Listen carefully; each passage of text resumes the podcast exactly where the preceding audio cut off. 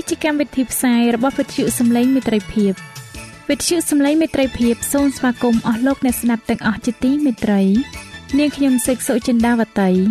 ហើយខ្ញុំបាទអង្គច័ន្ទវិជ្ជៈក៏សូមស្វាគមន៍លោកអ្នកស្ដាប់ទាំងអស់ផងដែរនៅពេលនេះយើងខ្ញុំមានសេចក្តីសោមនស្សរីករាយដែលបានវិលមកជួបអស់លោកអ្នកនាងកញ្ញាអ្នកស្ដាប់សាជាថ្មីម្ដងទៀត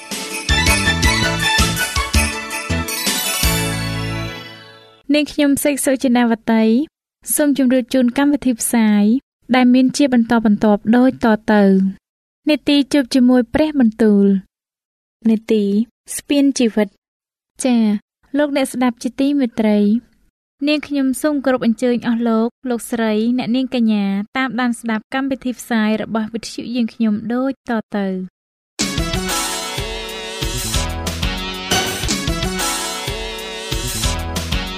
នេតិ ជួបជាមួយព្រះបន្ទូល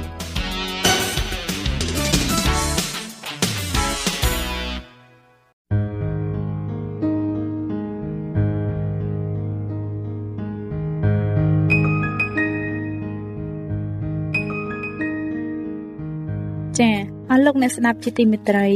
ជាដំបូងនាងខ្ញុំសូមអញ្ជើញលោកអ្នកនាងស្ដាប់នេតិជួបជាមួយព្រះបន្ទូលនេតិនេះនឹងលើកយកព្រះបន្ទូល ពីព្រះគម្ពីរទំនុកដង្កើងដែលនឹងជម្រាបជូនដល់លោកអង្គច័ន្ទវិជ្ជៈដូចតទៅ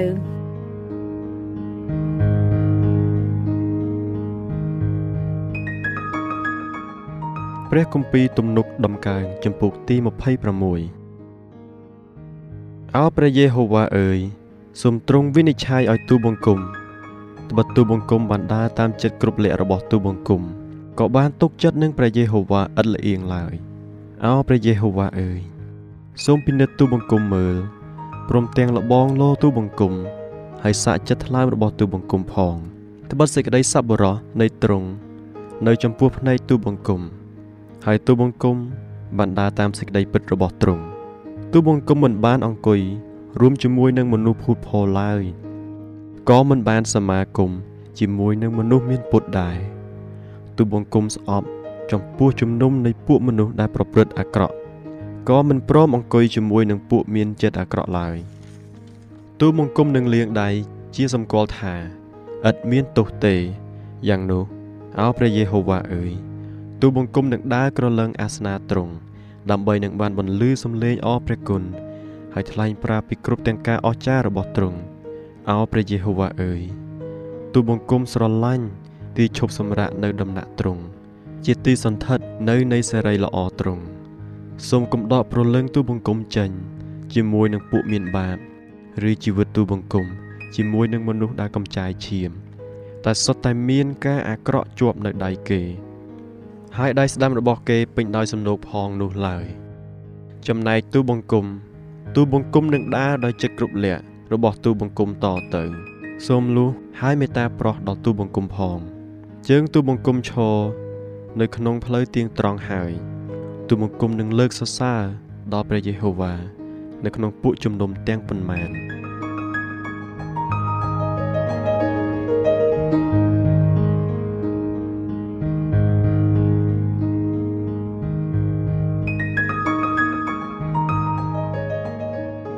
ព្រះគម្ពីរទំនុកដំកើងចំពោះទី27ព្រះយេហូវ៉ាទ្រង់ជាពន្លឺ ហើយជាសេចក្តីសង្គ្រោះរបស់ខ្ញុំតើខ្ញុំនឹងត្រូវខ្លាចចំពោះអ្នកណាព្រះយេហូវ៉ាទ្រង់ជាទីពឹងពំនាក់នៃជីវិតខ្ញុំតើត្រូវឲ្យខ្ញុំភ័យចំពោះអ្នកណា កាលមនុស្សអាក្រក់គឺជាពួកទាស់ទទឹង ហើយជាខ្មាំងសត្រូវនៃខ្ញុំ បានសង្ខោកមកលើខ្ញុំដើម្បីនឹងស៊ីសាច់ខ្ញុំ នោះគេបានជំពប់ដួលទាំងអស់គ្នាទោះបើមានពួកពលមកបោះតបច្បាំងនឹងខ្ញុំ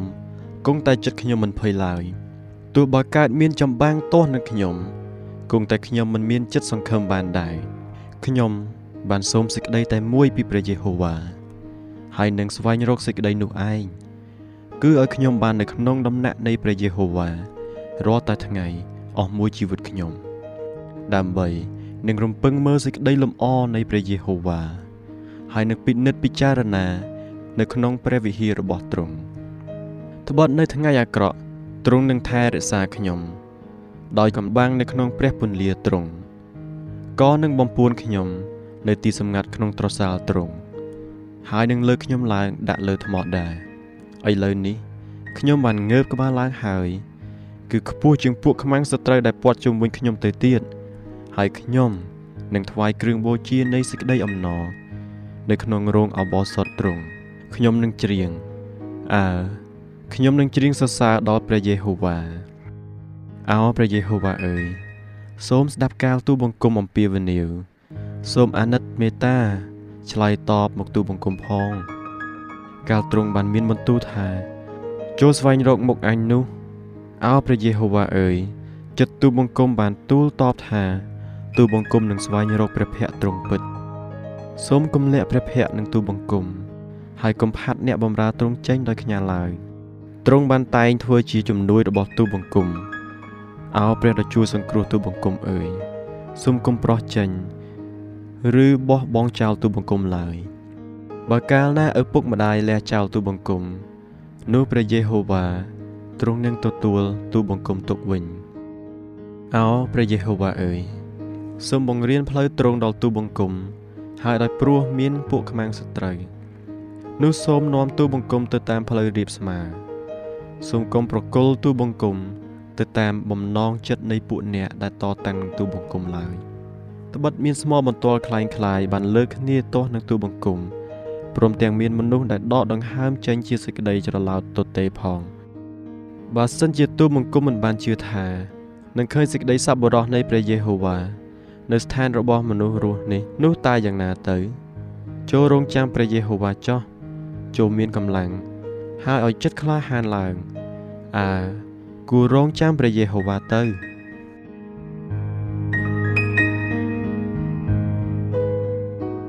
ចា៎ប្រិយមិត្តអ្នកស្ដាប់ជាទីមេត្រី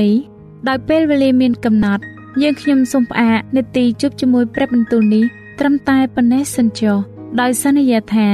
នឹងលើកយកនីតិនេះមកជម្រាបជូនជាបន្តទៀតនៅថ្ងៃច័ន្ទសប្តាហ៍ក្រោយ សូមអរគុណ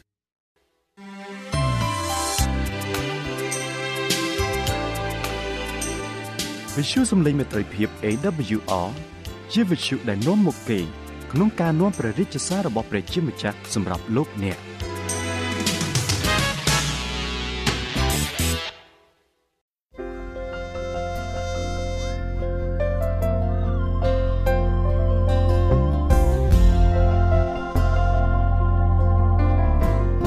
ចា៎ជាបន្តទៅទៀតនាងខ្ញុំសូមគោរពអញ្ជើញអស់លោកអ្នកនាង តាមដានស្ដាប់នាទីស្ពីនជីវិត ដែលនឹងជម្រាបជូនដល់លោកអង្គច័ន្ទវិជ្ជៈដូចតទៅ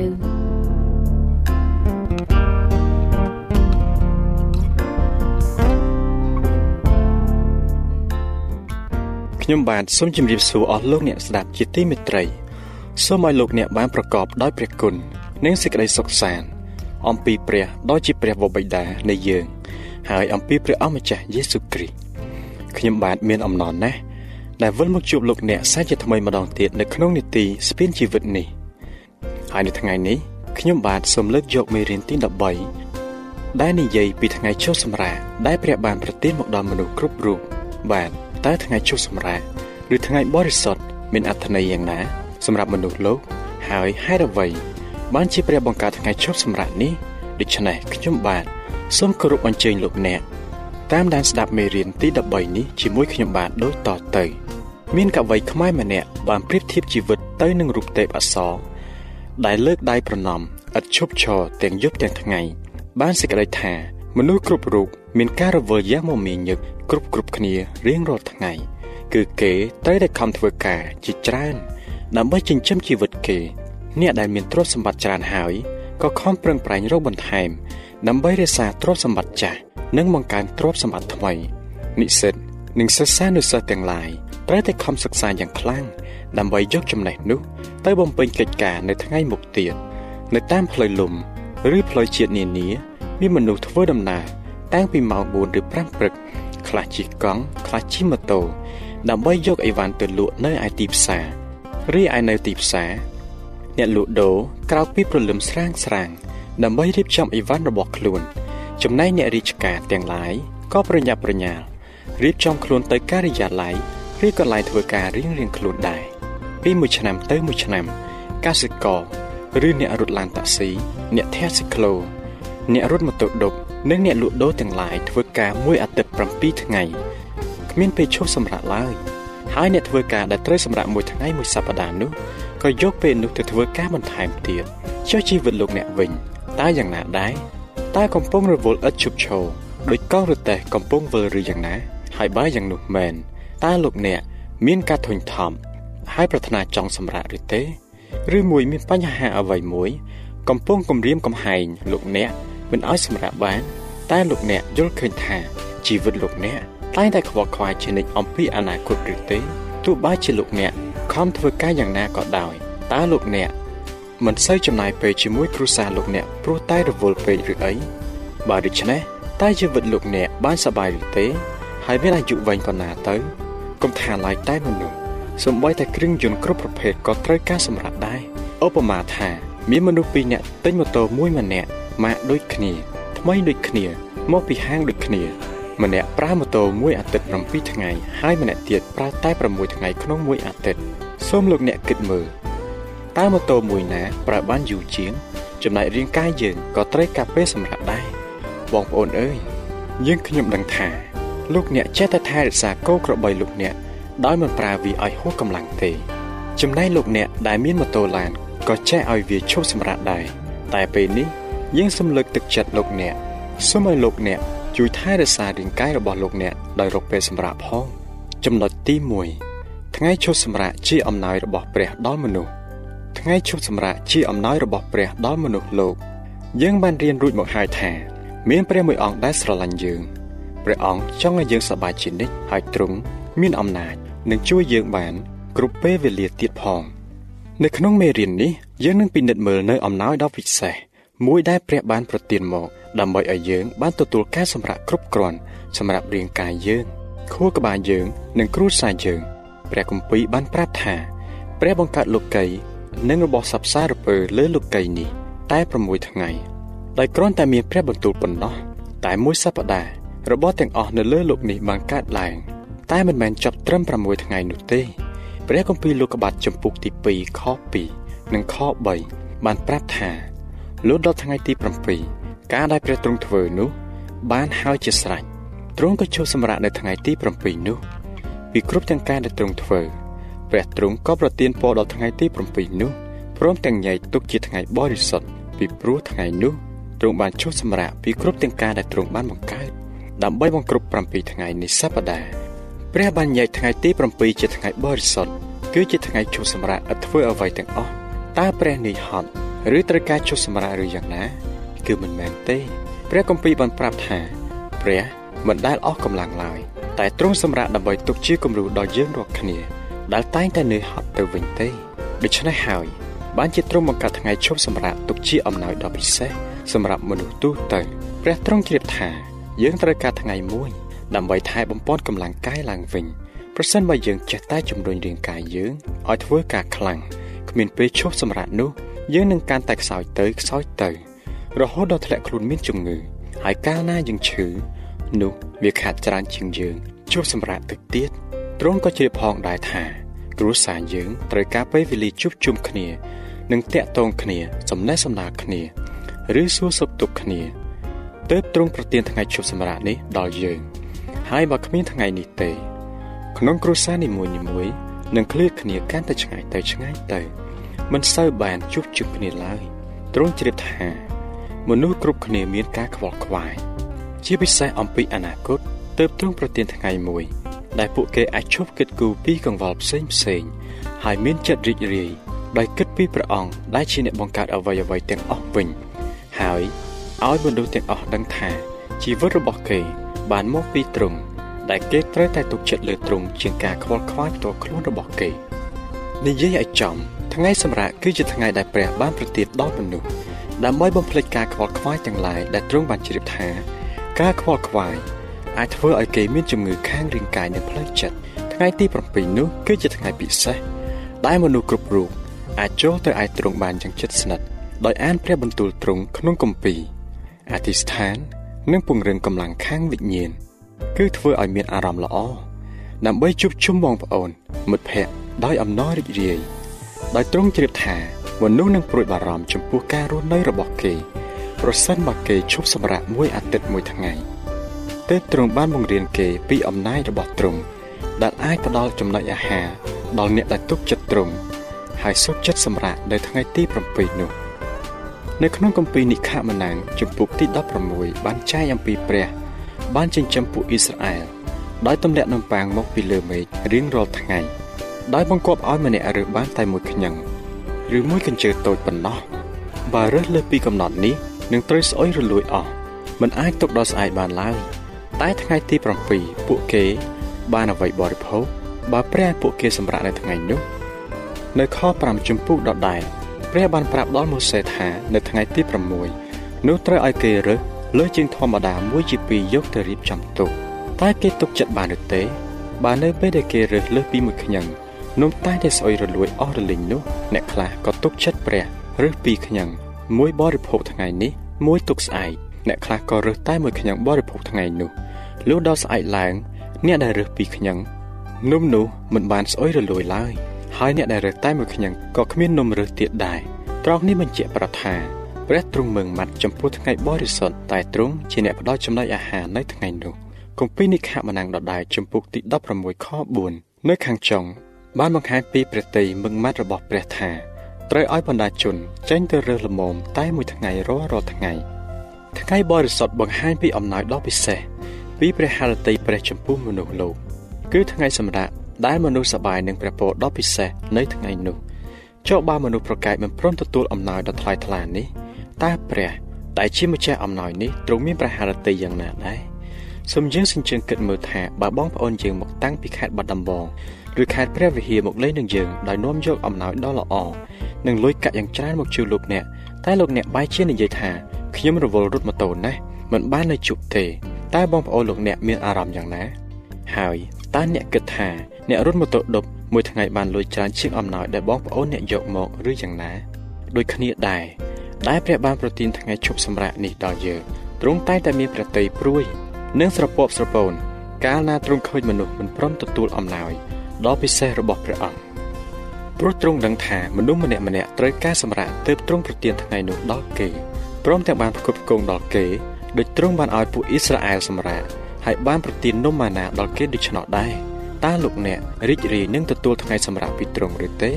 ចំណុចទី2តើហេតុអ្វីបានជាព្រះបង្កើតថ្ងៃឈប់សម្រាកបាទនៅពេលដែលព្រះចង់បង្ហាញដល់មនុស្សនៅច្បាប់ដ៏សំខាន់របស់ទ្រង់នោះទ្រង់បានប្រទានក្រឹតវិន័យ10ប្រការដល់គេ ដែលមានរាប់បញ្ចូលទាំងច្បាប់ដែលចែងថា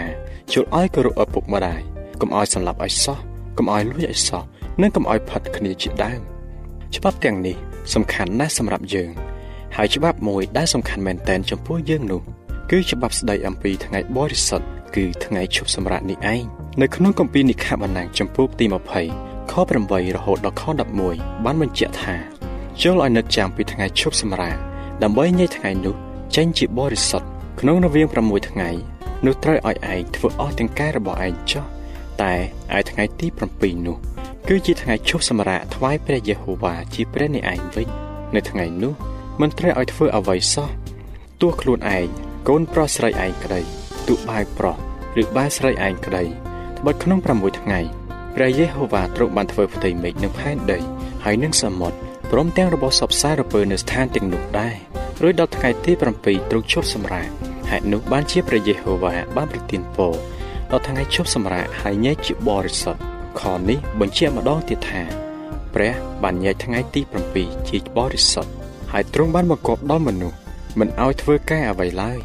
សូម្បីតែអ្នកបម្រើឬសត្វពាហនៈរបស់អ្នកក៏មិនត្រូវធ្វើដែរត្រង់នេះបានបង្ហាញពីសេចក្តីស្រឡាញ់យ៉ាងធំធេងរបស់ព្រះអង្គដល់មនុស្សទូទៅ បុណ្យឯករាជ្យរបស់ខ្មែរជាថ្ងៃដែលប្រជារាស្ត្រខ្មែរសប្បាយដាក់ដោយសម្រាប់ពីការងារតែថ្ងៃសម្រាប់ដែលព្រះប្រទានឲ្យគឺសម្រាប់មនុស្សទាំងអស់លើពិភពលោកគេគ្រប់គ្នាត្រូវទទួលការសម្រាកមួយថ្ងៃក្នុងមួយអាទិត្យដើម្បីរំលឹកថាព្រះដែលគេថ្វាយបង្គំនោះ គឺជាព្រះដែលបានបង្កើតលោកីយ៍នេះទាំងមូលនិងអាចថែរក្សាពួកគេរហូតដល់សពថ្ងៃនេះព្រះទ្រង់បានចាប់ផ្ដើមក្រឹតវិន័យនេះដោយពាក្យថាចុះនឹកចាំព្រោះទ្រង់ទៀតថា មនុស្សអាចនឹងភ្លេចក្រឹតវិន័យនោះបានដោយងាយហើយសប្តាហ៍ថ្ងៃនេះយើងឃើញថាមានមនុស្សជាច្រើនបានបោះបង់ចោលនៅថ្ងៃឈប់សម្រាកហើយទទួលយកការខ្វាយខ្វល់និងធ្វើការងារមកជំនួសវិញយើងធ្លាប់ឮបងប្អូនកសិករឬកម្មករឬអ្នកលក់ដូរនិយាយថាអោឯងអើយមិនមែនជាអ្នករាជការនឹងគេ ធ្វើការគ្មានសៅគ្មានអតិថិទេ ពាក្យនោះធ្វើឲ្យយើង មានការក្រៀមក្រំជាខ្លាំងហើយយើងនឹងជឿថា ព្រះដែលបានបង្កើតថ្ងៃនោះមកសម្រាប់យើងរាល់គ្នាទ្រង់តែងតែព្រួយព្រះハរតីខ្លាំងណាស់ទៅទៀតពីថ្ងៃនេះទៅសូមលោកអ្នកជ្រាបថាថ្ងៃសម្រាប់ជាថ្ងៃរបស់លោកអ្នកដែលព្រះបានប្រទានឲ្យសូមបងប្អូនទទួលយកនិងសម្រាប់កាយលំហែចិត្តដោយសប្បាយចោះតើហេតុអ្វីបានជារឿងថ្ងៃជប់សម្រាប់នេះសំខាន់ម្ល៉េះសម្រាប់ព្រះរហូតដល់ទ្រង់ដាក់ក្រឹតវិន័យនេះនៅក្នុងក្រឹតវិន័យ10ប្រការដូច្នេះឋានទាំងបានបង្គាប់ថា ក្នុងរវាង6ថ្ងៃនោះត្រូវឲ្យឯងធ្វើការចោះតែដល់ថ្ងៃទី7ត្រូវឈប់សម្រាកវិញទោះបីជានៅរដូវភ្ជួររាស់ឬរដូវច្រូតកាត់ក្តីក៏ត្រូវឈប់សម្រាកដែរព្រះគម្ពីរនិខមណាងចំពុកទី34ខ21មានន័យថាទោះបីជានៅពេលរវល់មមាញឹកយ៉ាងណាក៏ដោយក៏ទ្រង់ចង់ឲ្យយើងឈប់សម្រាកមួយថ្ងៃពេញដែរនៅក្នុងមេរៀននេះបានបង្ហាញរួចមកហើយថា ព្រះបានបង្កើតយើងមក មិនគ្រាន់តែដើម្បីឲ្យមានសេចក្តីស្រឡាញ់និងទំនាក់ទំនងល្អប៉ុណ្ណោះទេតែថែមទាំងចង់ឲ្យយើង មានទំនាក់ទំនងជាមួយទ្រង់ដោយជំនឿស្រឡាញ់និងស្ដាប់បង្គាប់ទៀតផងប្រសិនបើយើងរវល់តែខ្វល់ខ្វាយអំពីកិច្ចការរបស់យើង យើងមិនអាចថ្វាយសេរីល្អនិងសេចក្តីស្រឡាញ់ដល់ទ្រង់បានឡើយដូច្នេះថ្ងៃជួបសម្រាប់គឺជាថ្ងៃសំខាន់មួយ ដែលយើងត្រូវនិយាយថាទោះបីថ្ងៃធ្វើការ ជាចាំបាច់ដើម្បីចិញ្ចឹមជីវិតក៏ដោយខ្ញុំដឹងច្បាស់ថាព្រះជាអ្នកផ្ដល់ជីវិតឲ្យខ្ញុំដូច្នេះខ្ញុំត្រូវតែឈប់ធ្វើការរួចចំណាយពេលជាមួយទ្រង់ប៉ុន្តែវាជាការមួយដែលពិបាកយល់ថាព្រះពិតប្រកបជាថែរក្សាយើងមែនឬយ៉ាងណាប្រសិនបើយើងធ្វើការនៅថ្ងៃឈប់សម្រាកនោះព្រោះព្រះគម្ពីរបានប្រាប់ថាព្រះបានប្រទាននំម៉ាណាកាលពីចំនួនមុនតែឥឡូវយើងមិនដែលឃើញទ្រង់ធ្វើដូច្នោះឡើយតើព្រះអង្គ អាចជួយដល់អ្នកដែលឈប់ធ្វើការថ្ងៃឈប់សម្រាកនោះដែរឬទេសប្តាហ៍ថ្ងៃនេះពិតមែនហើយទ្រង់នៅតែជួយដល់ដែរខាងក្រោមនេះគឺជារឿងដែលព្រះបានជួយដល់អ្នកដែលមិនបានធ្វើការនៅថ្ងៃឈប់សម្រាកម្នាក់មានអ៊ំស្រីម្នាក់ជាអ្នកលក់នំបញ្ចុកនៅកំពង់ចម្លងសាឡាងអ្នកលឿងគាត់បានសិក្សាពីព្រះដែលបង្កើតលោកីនិងមនុស្សគាត់បានគោរពក្រឹតវិន័យបានយ៉ាងល្អតែដល់ត្រង់ថាឲ្យឈប់សម្រាកនៅថ្ងៃទី7នោះជារឿងមួយដែលពិបាកសម្រាប់គាត់ ព្រោះបើគាត់មិនលក់នំបញ្ចុកមួយថ្ងៃគ្រួសារគាត់នឹងគ្មានចំណីអាហារបរិភោគឡើយគាត់បានសិក្សាព្រះគម្ពីរអេសាយចំពុកទី58ខ13និងខ14ថាបើឯងខាត់ជើងឯងមិនឲ្យបាយចេញពីថ្ងៃជប់សម្រាកគឺមិនឲ្យធ្វើតាមអំពើចិត្តនៅថ្ងៃបរិសុទ្ធរបស់អញបើឯងរាប់ថ្ងៃជប់សម្រាកទុកជាទីរីករាយចិត្តហើយលើថ្ងៃបរិសុទ្ធរបស់ព្រះយេហូវ៉ាទុកជាថ្ងៃគូគោរពព្រមទាំងប្រតិបត្តិតាមផង ដោយមិនធ្វើតាមអំពើចិត្តរបស់ខ្លួនឬស្វែងរកសេចក្តីអំណររបស់ខ្លួនឯងឬពោលតែពាក្យរបស់ផងខ្លួនឡើយគ្រានោះឯងនឹងបានចិត្តរីករាយក្នុងព្រះយេហូវ៉ាហើយអញនឹងបញ្ជិះឯងនៅលើទីខ្ពស់នៃផែនដី ហើយនឹងចិញ្ចឹមឯងដោយមរតករបស់យ៉ាកុបជាឯងចកោឯងត្បិតព្រះអស់នៃព្រះយេហូវ៉ាបានចាញ់វិចារហើយលោកអ៊ំក៏សម្រេចចិត្តឈប់លក់នៅថ្ងៃទី7 ដោយអធិស្ឋានឲ្យព្រះប្រទានពរតាមព្រះハរតីទ្រង់ចោះស្រាប់តែរៀងរាល់ថ្ងៃគាត់លក់ដាច់មួយជាពីរធ្វើឲ្យគាត់បានឈប់សម្រាកមួយថ្ងៃក្នុងមួយអាទិត្យយ៉ាងងាយមែនហើយព្រះដែលបានបង្កើតលោកីនេះទ្រង់ពិតជាមានអំណាចនិងប្រទានចំណីអាហារឲ្យលោកអ្នកអាចរស់នៅបានតើលោកអ្នកចាំទេព្រះគម្ពីរបានសម្ដែងថាមានម្ដងព្រះយេស៊ូវបានចំអែតមនុស្ស5000នាក់ដោយនំប៉័ង5និងត្រី2ប៉ុណ្ណោះដូច្នោះទ្រង់ក៏អាចប្រទានប្រកាស ឲ្យអ្នករាល់គ្នាឲ្យអ្នកគ្រប់គ្រាន់ពីថ្ងៃសុក្រដើម្បីនឹងជួបសម្រាប់នៅថ្ងៃសៅរ៍ដែរទោះបីយើងត្រូវអត់ឃ្លានស្ទើរស្លាប់ក៏ដោយក៏យើងនៅតែសរសើរដំកើងដល់ព្រះដែលបានសគត់ជួយយើងដើម្បីឲ្យយើងបានជីវិតអកលជានិច្ចការខិតខំធ្វើការនៅថ្ងៃឈប់សម្រាកមិនខុសពីឡើងលើមែកឈើមួយហើយយកកំបិតកាប់ផ្ដាច់គល់មែកឲ្យធ្លាក់ខ្លួនឯងនោះទេមែនហើយជីវិតយើងនេះខ្លីណាស់យើងត្រូវតែពឹងនឹងស្ដាប់បង្គាប់ព្រះ ដែលអាចផ្ដល់ជីវិតដ៏អស្ចារ្យដល់យើងតើលោកអ្នកពិតជាចង់ជួបសម្រាប់នៅថ្ងៃបរិសុទ្ធតែបង្គាប់របស់ព្រះដែរឬទេ បាទអស់លោកអ្នកស្ដាប់ជាទីមេត្រីពេលវេលានៃនីតិស្ពានជីវិតរបស់យើង បានមកដល់ទីបញ្ចប់ហើយខ្ញុំបាទនឹងវិលមកជួបលោកអ្នកម្ដងទៀតនៅក្នុងនីតិរបស់យើងលើកក្រោយដោយបាននាំនៅភាគទី2នៃមេរៀនដដែលនេះមកជូនលោកអ្នកជាបន្តទៀតបាទដូច្នេះសូមឲ្យព្រះជាម្ចាស់ប្រទានពរ ដល់អស់លោកអ្នកបងប្អូនទាំងអស់គ្នា សម្រាប់ពេលនេះខ្ញុំបាទសូមអរគុណសូមជម្រាបលាចា៎អស់លោកអ្នកស្ដាប់ជាទីមេត្រីដោយសារពេលវេលាមានកំណត់យើងខ្ញុំសូមផ្អាកនីតិស្ពិនជីវិតនេះត្រឹមតែប៉ុណ្្នឹងសិនចុះយើងខ្ញុំនឹងលើកយកនីតិនេះមកជម្រាបជូនអស់លោកអ្នកជាបន្តទៅទៀតនៅថ្ងៃពុធសប្តាហ៍ក្រោយ ចាសសូមអរគុណ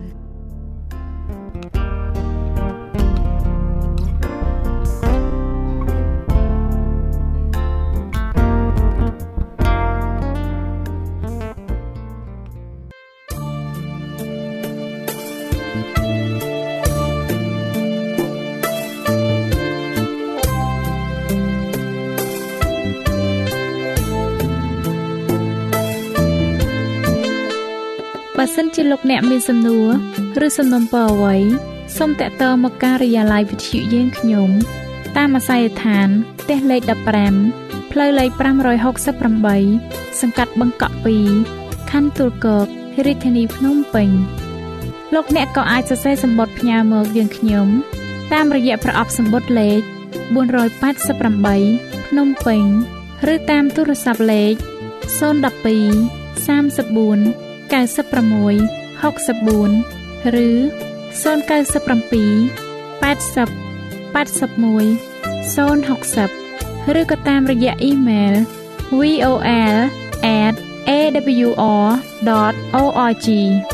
យើងខ្ញុំរងចាំទទួលស្វាគមន៍អស់លោកអ្នកនាងដោយក្តីសោមនស្សរីករាយ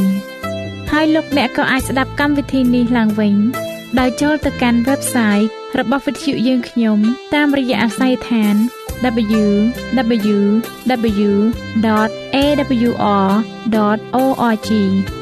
លោកអ្នកនាងកញ្ញាជាទីមេត្រី កម្មវិធីផ្សាយរបស់វិទ្យុសំឡេងមេត្រីភាពនៅពេលនេះសូមបញ្ចប់តែប៉ុណ្ណេះយើងខ្ញុំសូមអរគុណចំពោះការតាមដានស្ដាប់របស់អស់លោកអ្នកតាំងពីដើមរហូតដល់ចប់